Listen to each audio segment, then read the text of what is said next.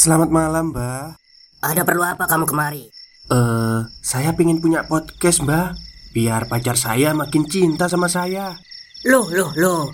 Mau bikin podcast kok tanya dukun? Sekarang kamu download aplikasi Anchor.fm. Di situ kamu bisa buat podcast gratis dan podcast kamu bisa didistribusikan ke platform mana pun. Dan di aplikasi atau website Anchor.fm juga terdapat fitur-fitur yang memudahkan kamu untuk membuat podcast. Oh, gitu ya, Mbak. Kalau gitu, saya boleh minta password wifi-nya, Mbak. Buat apa? Buat download Anchor.fm, Mbak.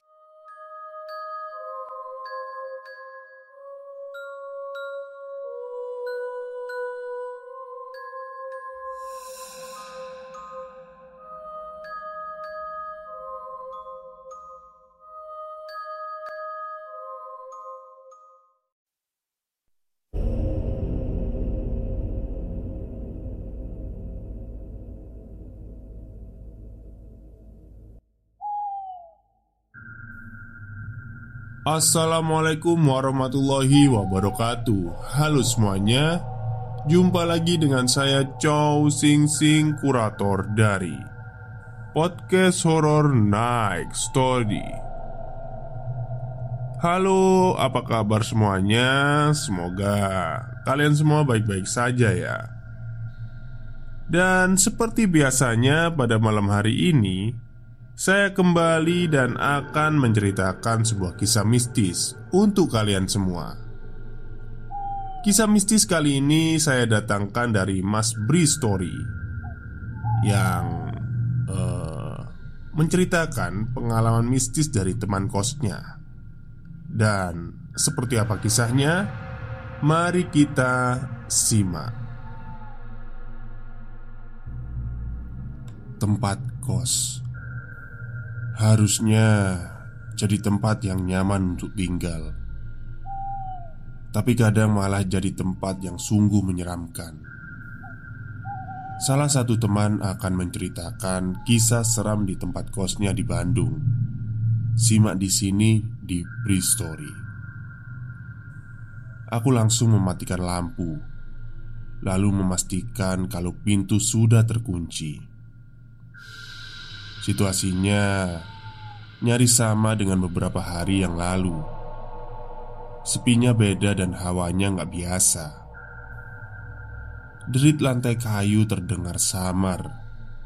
Suara yang seharusnya timbul karena ada seseorang yang sedang melangkah masih samar karena sepertinya sumber suara masih jauh. Tapi ya itu, aku merasa seperti sendirian Padahal yakin kalau penghuni lain masih ada yang sedang berada di kamarnya. Tapi ini malah sepi. Gak ada suara sama sekali selain derit lantai dari kejauhan. Yang awalnya samar, lama-kelamaan semakin jelas, menandakan kalau sumbernya bergerak makin mendekat, mendekat ke depan kamar. Hawa yang aku rasa makin gak enak. Dingin suhu berangsur menghangat. Sungguh aneh rasanya ketika udara Bandung malah membuat tubuh berkeringat. Malam hari pula. Sama seperti sebelumnya juga. Setelah makin mendekat suara derit lantai kayu Malah timbul suara lain. Seperti lebih menyeramkan dari derit kayu Suara yang satu lagi terdengar seperti kaki yang berjalan terseret Gak melangkah dengan benar. Jadi Nyaris bisa dipastikan kalau suara-suara itu adalah suara langkah kaki Yang sedang bergerak menyusuri lorong depan kamar-kamar.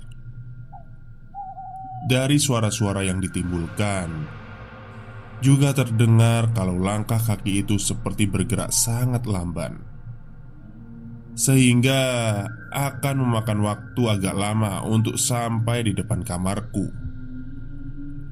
Aku hanya bisa diam duduk di sudut tempat tidur, terus menatap jendela, menajamkan pendengaran, dan berusaha untuk terus menangkap suara-suara itu. Berusaha sebisa mungkin gak bersuara, Menggerakkan kaki pun aku nggak berani Karena takut nantinya akan menimbulkan bunyi. Jendela kamar masih berbentuk jendela kaca. Namun di bagian sebelah kanan masih berupa jendela kaca naku Yang bisa dibuka kalau ingin ada angin masuk dari luar. Jendela ini hanya tertutup tirai tipis tembus cahaya. Nah, karena jendela masih berbahan kaca naku inilah.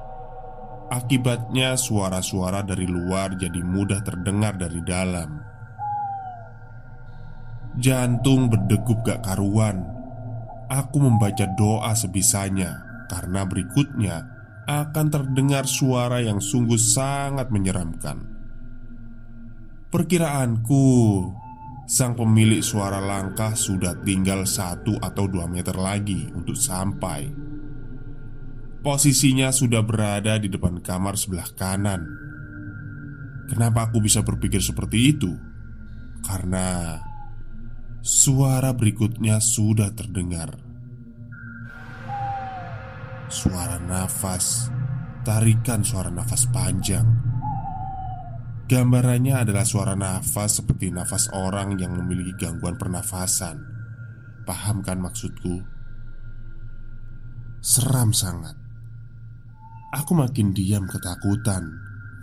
Aku yang sejak tadi nggak melepaskan pandangan ke jendela, akhirnya melihat sesuatu di ujung kanan. Jendela kaca tertutup tirai tipis. Dari tirai itu Aku dapat melihat bayangan karena ada cahaya lampu dari lorong. Ya, dari tirai itu aku melihat ada bentuk sosok yang sedang berjalan di depan kamar, di teras. Walau hanya bayangannya saja, aku tetap dapat melihat dengan jelas kalau yang sedang berjalan itu adalah sesosok laki-laki kurus tinggi. Sosok itu berjalan dengan sangat lambat Langkahnya terseret.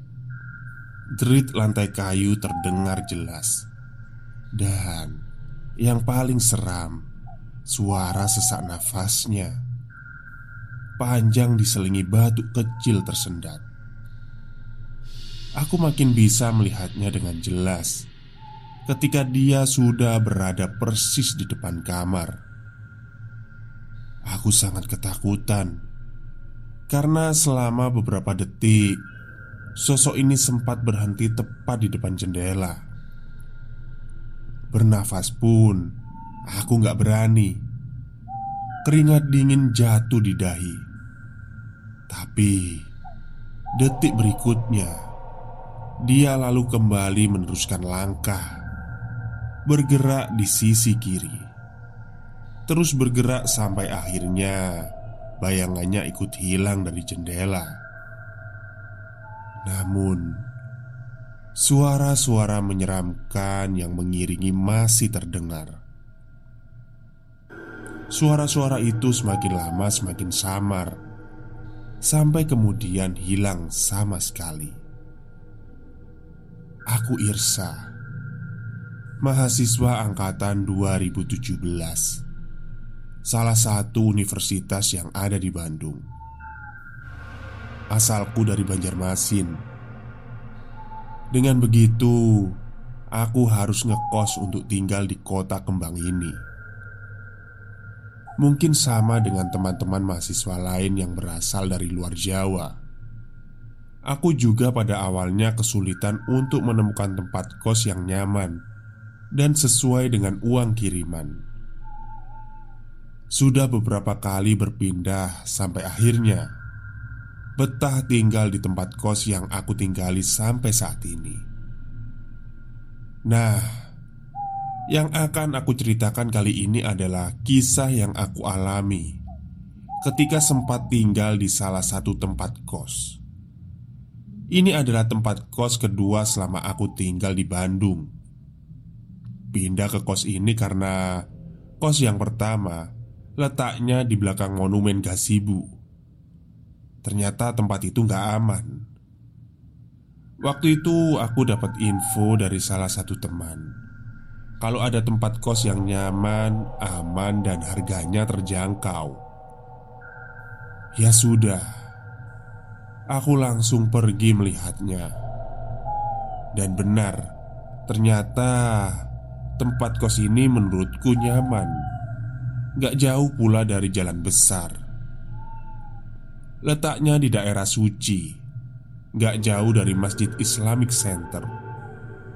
Letaknya persis di belakang gedung kampus terkemuka. Untuk teman-teman yang tinggal di Bandung Gak akan susah Untuk mengira-ngira di mana kiranya tempat kos ini. Nah Karena letaknya strategis dan harganya juga terjangkau. Akhirnya aku memutuskan untuk pindah secepatnya.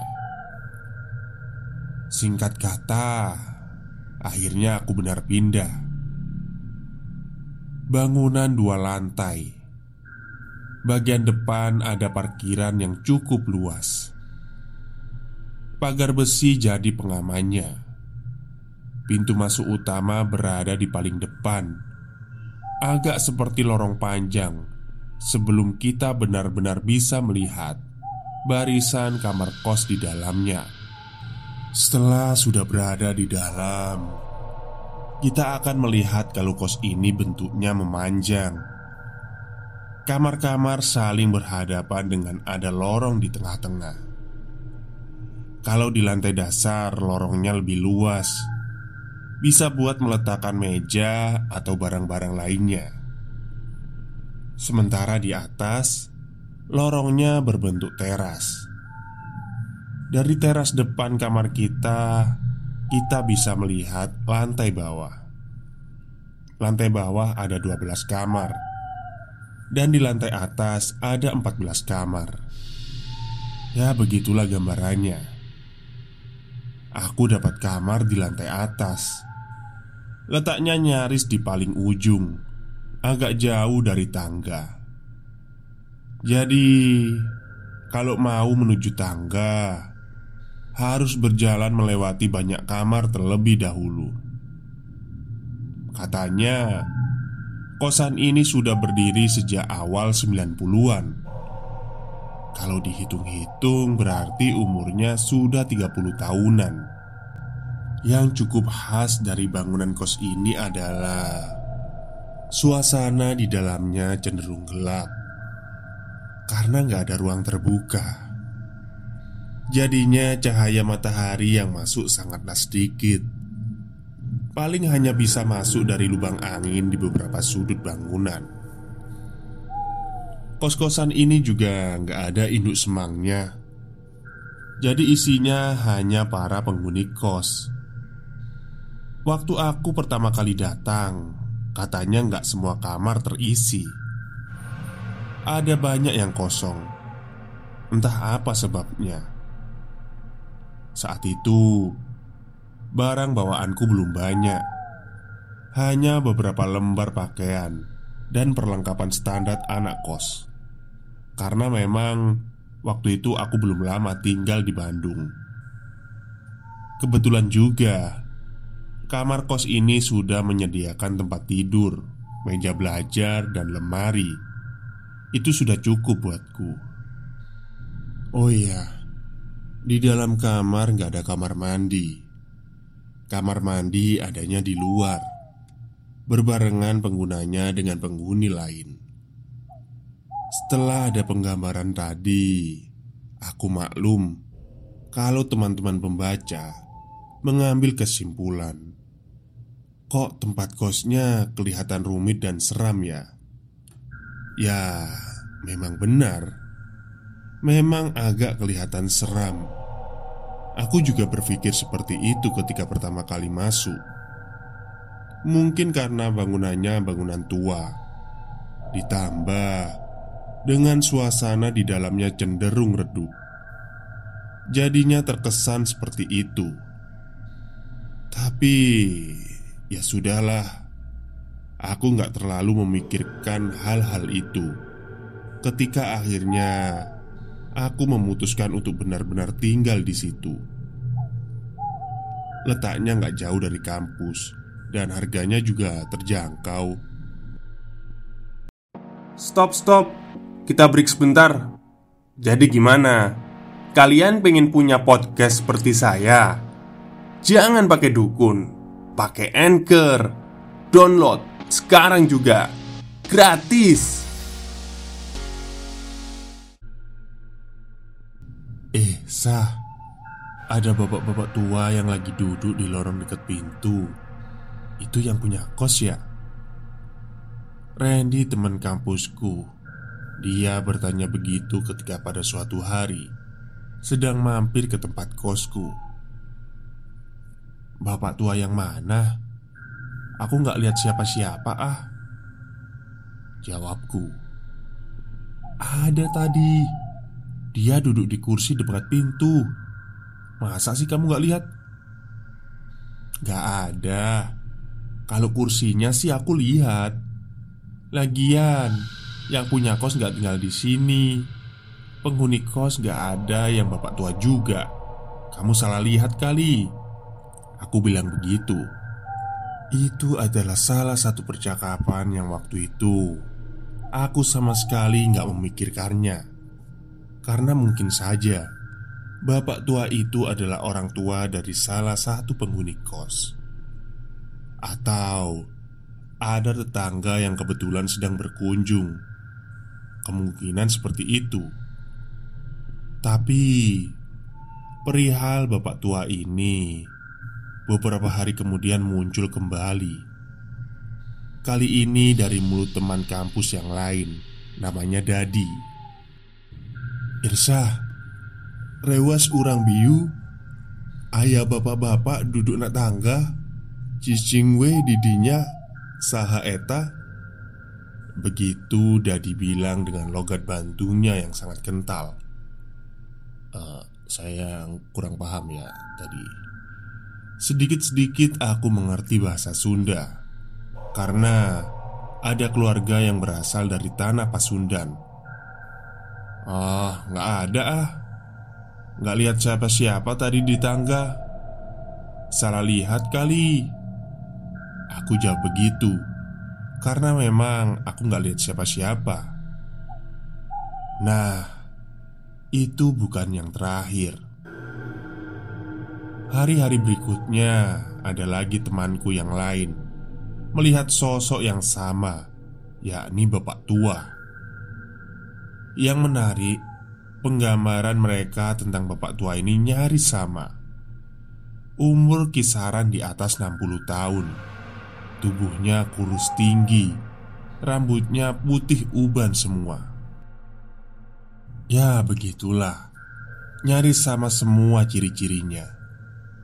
Sementara aku setelah sudah sekitar satu bulan tinggal di situ, sama sekali belum pernah bertemu dengan bapak itu. Penasaran? Ya, sedikit sih. Dadi juga pernah bilang ketika suatu hari menginap di kosku, dia lagi-lagi melihat sosok bapak tua itu sedang berdiri diam di dekat tangga. Hanya diam. Kata Dadi, pemandangan itu agak menyeramkan karena waktu itu nyaris tengah malam. Lama-kelamaan, penasaranku semakin membuncah. Siapa sih bapak itu? Kok lama-kelamaan makin menyeramkannya? Sampai akhirnya terjadilah peristiwa seram yang sudah aku ceritakan di awal tadi. Peristiwa itu pun sebenarnya nggak serta-merta terjadi Beberapa malam sebelumnya, aku sudah mengalami peristiwa yang cukup aneh. Beberapa kali aku mendengar ada suara langkah kaki berjalan di teras berlantai kayu di depan kamar. Awalnya hanya itu saja, suara langkah kaki. Aku pikir itu langkah kaki penghuni kamar kos sebelah. Tapi, kalau beberapa kali aku perhatikan, Ternyata setelah langkah itu gak ada Suara pintu terdengar, terbuka dan tertutup Suaranya hilang begitu saja. Aneh.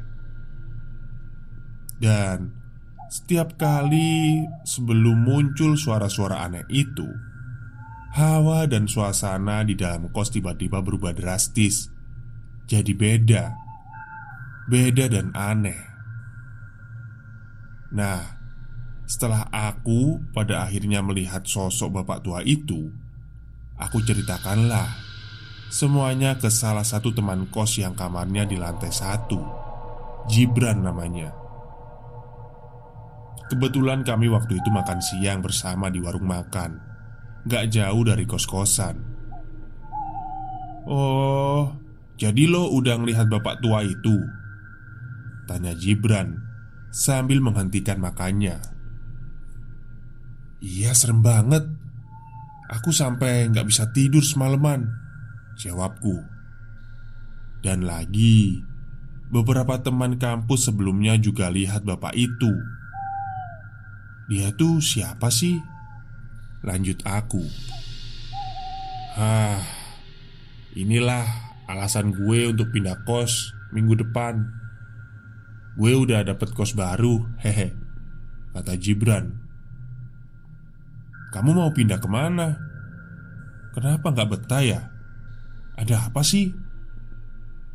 Iya Gue juga baru empat bulan di situ Gak tahan. Serem banget. Apalagi Minggu depan udah liburan semester. Anak-anak kos pasti pulang mudik semua. Kosong deh tuh kosan. Emang ada apaan sih? Tanyaku makin penasaran. Jadi Yang lu lihat itu Dan yang lu teman-teman lu lihat itu ya itu adalah bapak kos pemilik kosan dulunya. Gibran akhirnya mulai bercerita. Dulunya, kok dulunya? Iya, bapak itu sudah meninggal awal tahun 2000-an. Gue dengernya juga dari penghuni lama. Aku langsung terdiam mendengar cerita Gibran. Makanya Penghuni kos gak ada yang tahan lama. Paling lama ya 6 bulan. Dan kamar selalu banyak yang kosong kan? Karena pada ketakutan. Lanjut Gibran. Serem banget deh.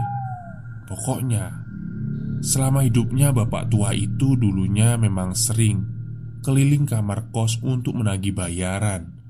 Kalau sudah jatuh tempo pintu kamar akan diketuk satu persatu. Dan yang menyeramkan, setelah meninggal pun, bapak itu kadang masih melakukan kebiasaannya, mengetuk pintu kamar. Ih, serem banget deh. Makanya gue mau pindah. Tutup Gibran. Ah, seram amat. Aku jadi merinding sendiri setelah mengetahui semuanya dan langsung terlintas niat untuk ikut Jibran pindah kos juga. Dua minggu kemudian, benar apa yang dibilang Jibran sebelumnya. Akhirnya kami memasuki masa liburan semester. Selayaknya anak kos, setiap ada libur panjang, pasti akan mudik ke kampung halaman. Begitu juga dengan tempat kosku Nyaris semua penghuninya mudik Aku hitung hanya ada tiga orang yang gak mudik Dua orang di lantai bawah dan satu orang di lantai atas. Ya aku orangnya.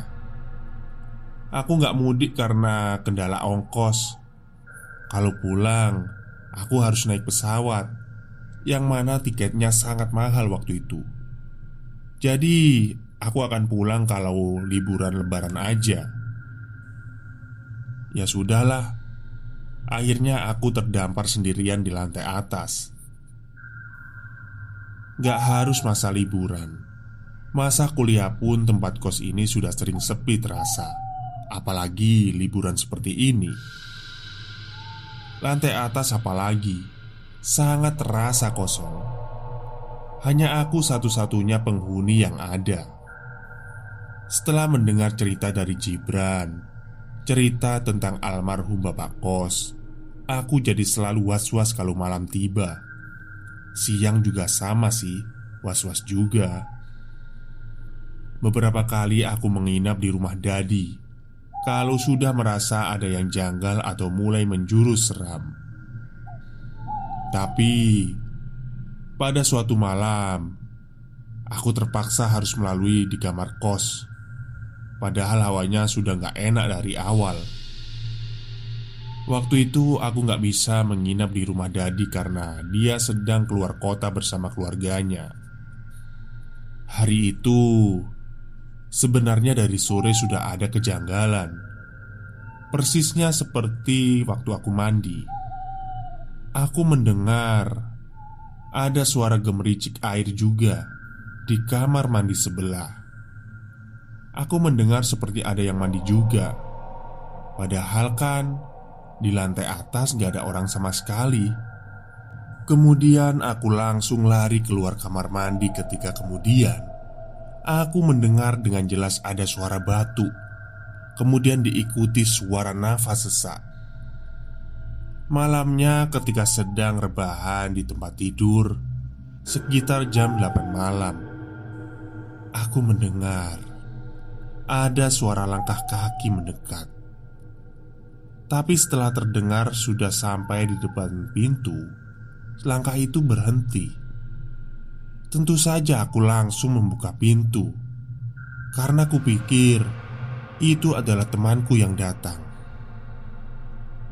Aku langsung merinding parah Karena ternyata Di luar gak ada siapa-siapa ketika aku membuka pintu Hiburanku hanya ponsel. Sampai menjelang tengah malam Hanya layarnya yang aku perhatikan. Satu jam sebelumnya lampu sudah aku matikan. Kamar jadinya sudah gelap total. Jam sudah menunjukkan pukul 12 lewat sedikit. Ketika aku mulai merasakan ada perubahan Hawa tiba-tiba jadi aneh Suasana berubah jadi makin sepi kosong Aku menyadari hal itu Makanya Ngantuk yang sebelumnya mulai datang langsung menghilang Benar Seperti sebelum-sebelumnya pertanda sama mulai terjadi lagi. Awalnya hawa tiba-tiba berubah, kemudian udara berangsur menghangat. Mulailah sepinya berbicara, seramnya seperti punya rencana.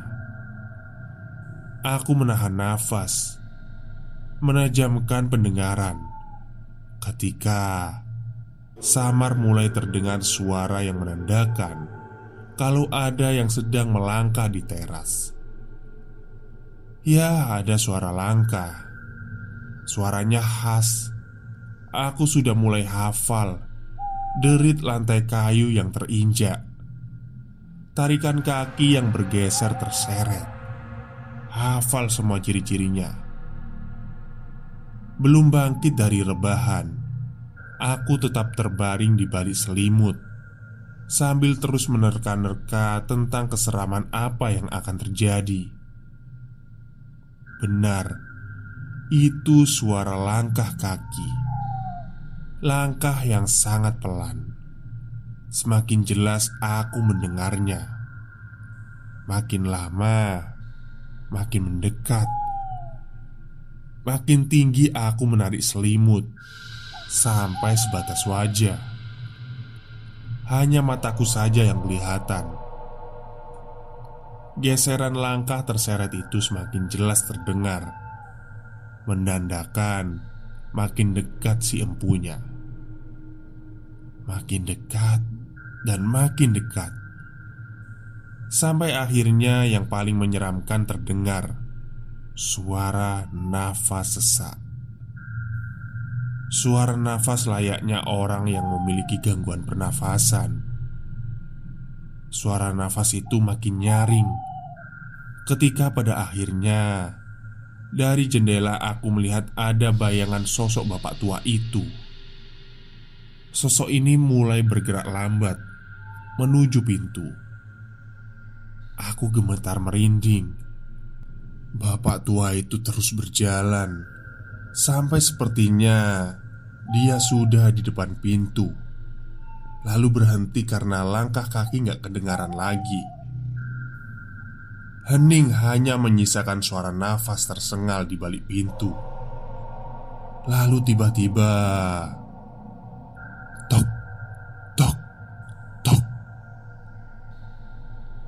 Ada yang mengetuk pintu kamarku. Bapak itu mengetuk pintu kamarku. Aku ketakutan. Sama sekali gak ada niat dan memberanikan diri untuk membuka pintu.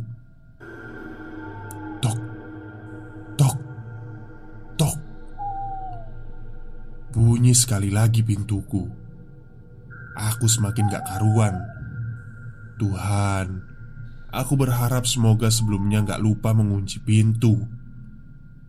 Ternyata harapan tinggal harapan. Beberapa detik kemudian Gagang pintu mulai bergerak sendiri. Sepertinya ada yang sedang berusaha membuka pintu dari luar.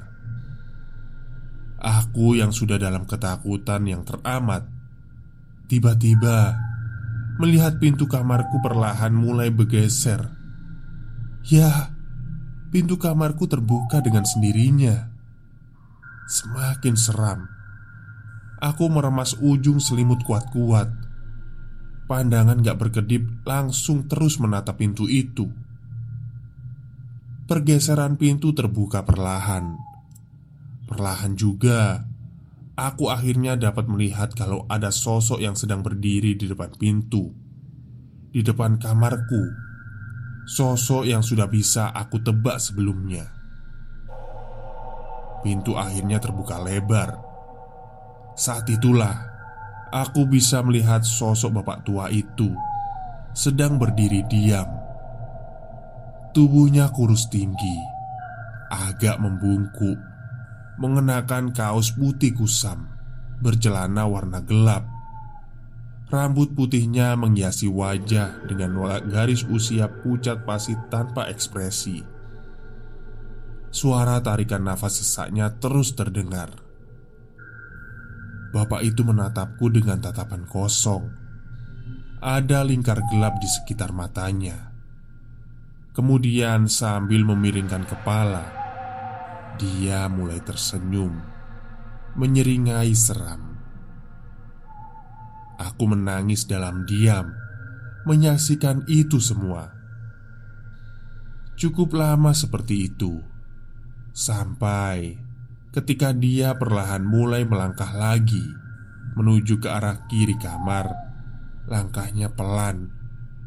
Aku terus memperhatikannya, dan akhirnya dia hilang dari pandangan.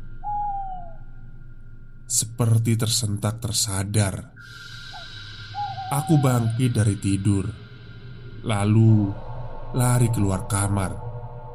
Gak menoleh ke belakang, dan aku terus lari keluar tempat kos. Malam itu, aku gak berani pulang. Hai, balik lagi ke gue, beri story. Sekian cerita malam ini, semoga bisa jadi teman membaca mengisi waktu luang di kamar kos. Tetap jaga kesehatan hati dan perasaan diri sendiri dan orang lain, supaya bisa merinding bareng. Sampai jumpa minggu depan.